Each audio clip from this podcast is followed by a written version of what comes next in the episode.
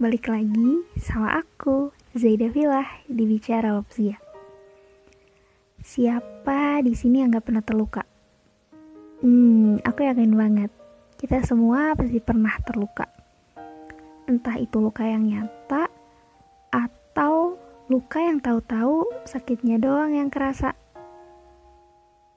Kita semua adalah korban atas ketidakmampuan seseorang menjaga sikapnya. Namun jangan lupa, kita juga berpeluang untuk menjadi pelaku atas luka yang tersemat pada seseorang. Tahu gak sih, kalau kita emang gak punya kendali atas apa yang orang lakuin ke kita. Tapi tentu aja, kita punya kendali atas apa yang kita lakuin ke orang lain. Kalau kamu pernah rasain pedihnya pengkhianatan, sakitnya kekecewaan, harusnya kamu bisa nih jaga agar kamu nggak lakuin hal itu ke orang. Bukan malah karena kamu tahu rasa sakitnya ditinggal, kamu malah dengan gampangnya ninggalin orang tanpa penjelasan.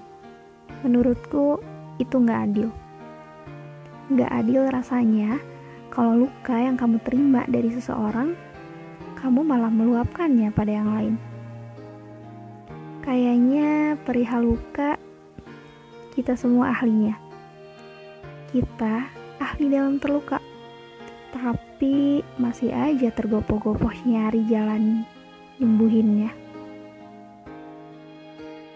Hal yang harus kita sadari saat kita terluka, jangan menolak perasaan-perasaan yang hadir. Sedih, kecewa, marah, itu wajar banget. Jangan menyangkal. Terima semua perasaan itu sebagai bagian dari diri kamu. Kamu tahu nggak? Saat kamu terima semua perasaan sedih, kecewa, dan marahnya kamu, kamu sedang berusaha untuk menerima diri kamu. Luka dan sembuh merupakan bagian dari dinamika kehidupan.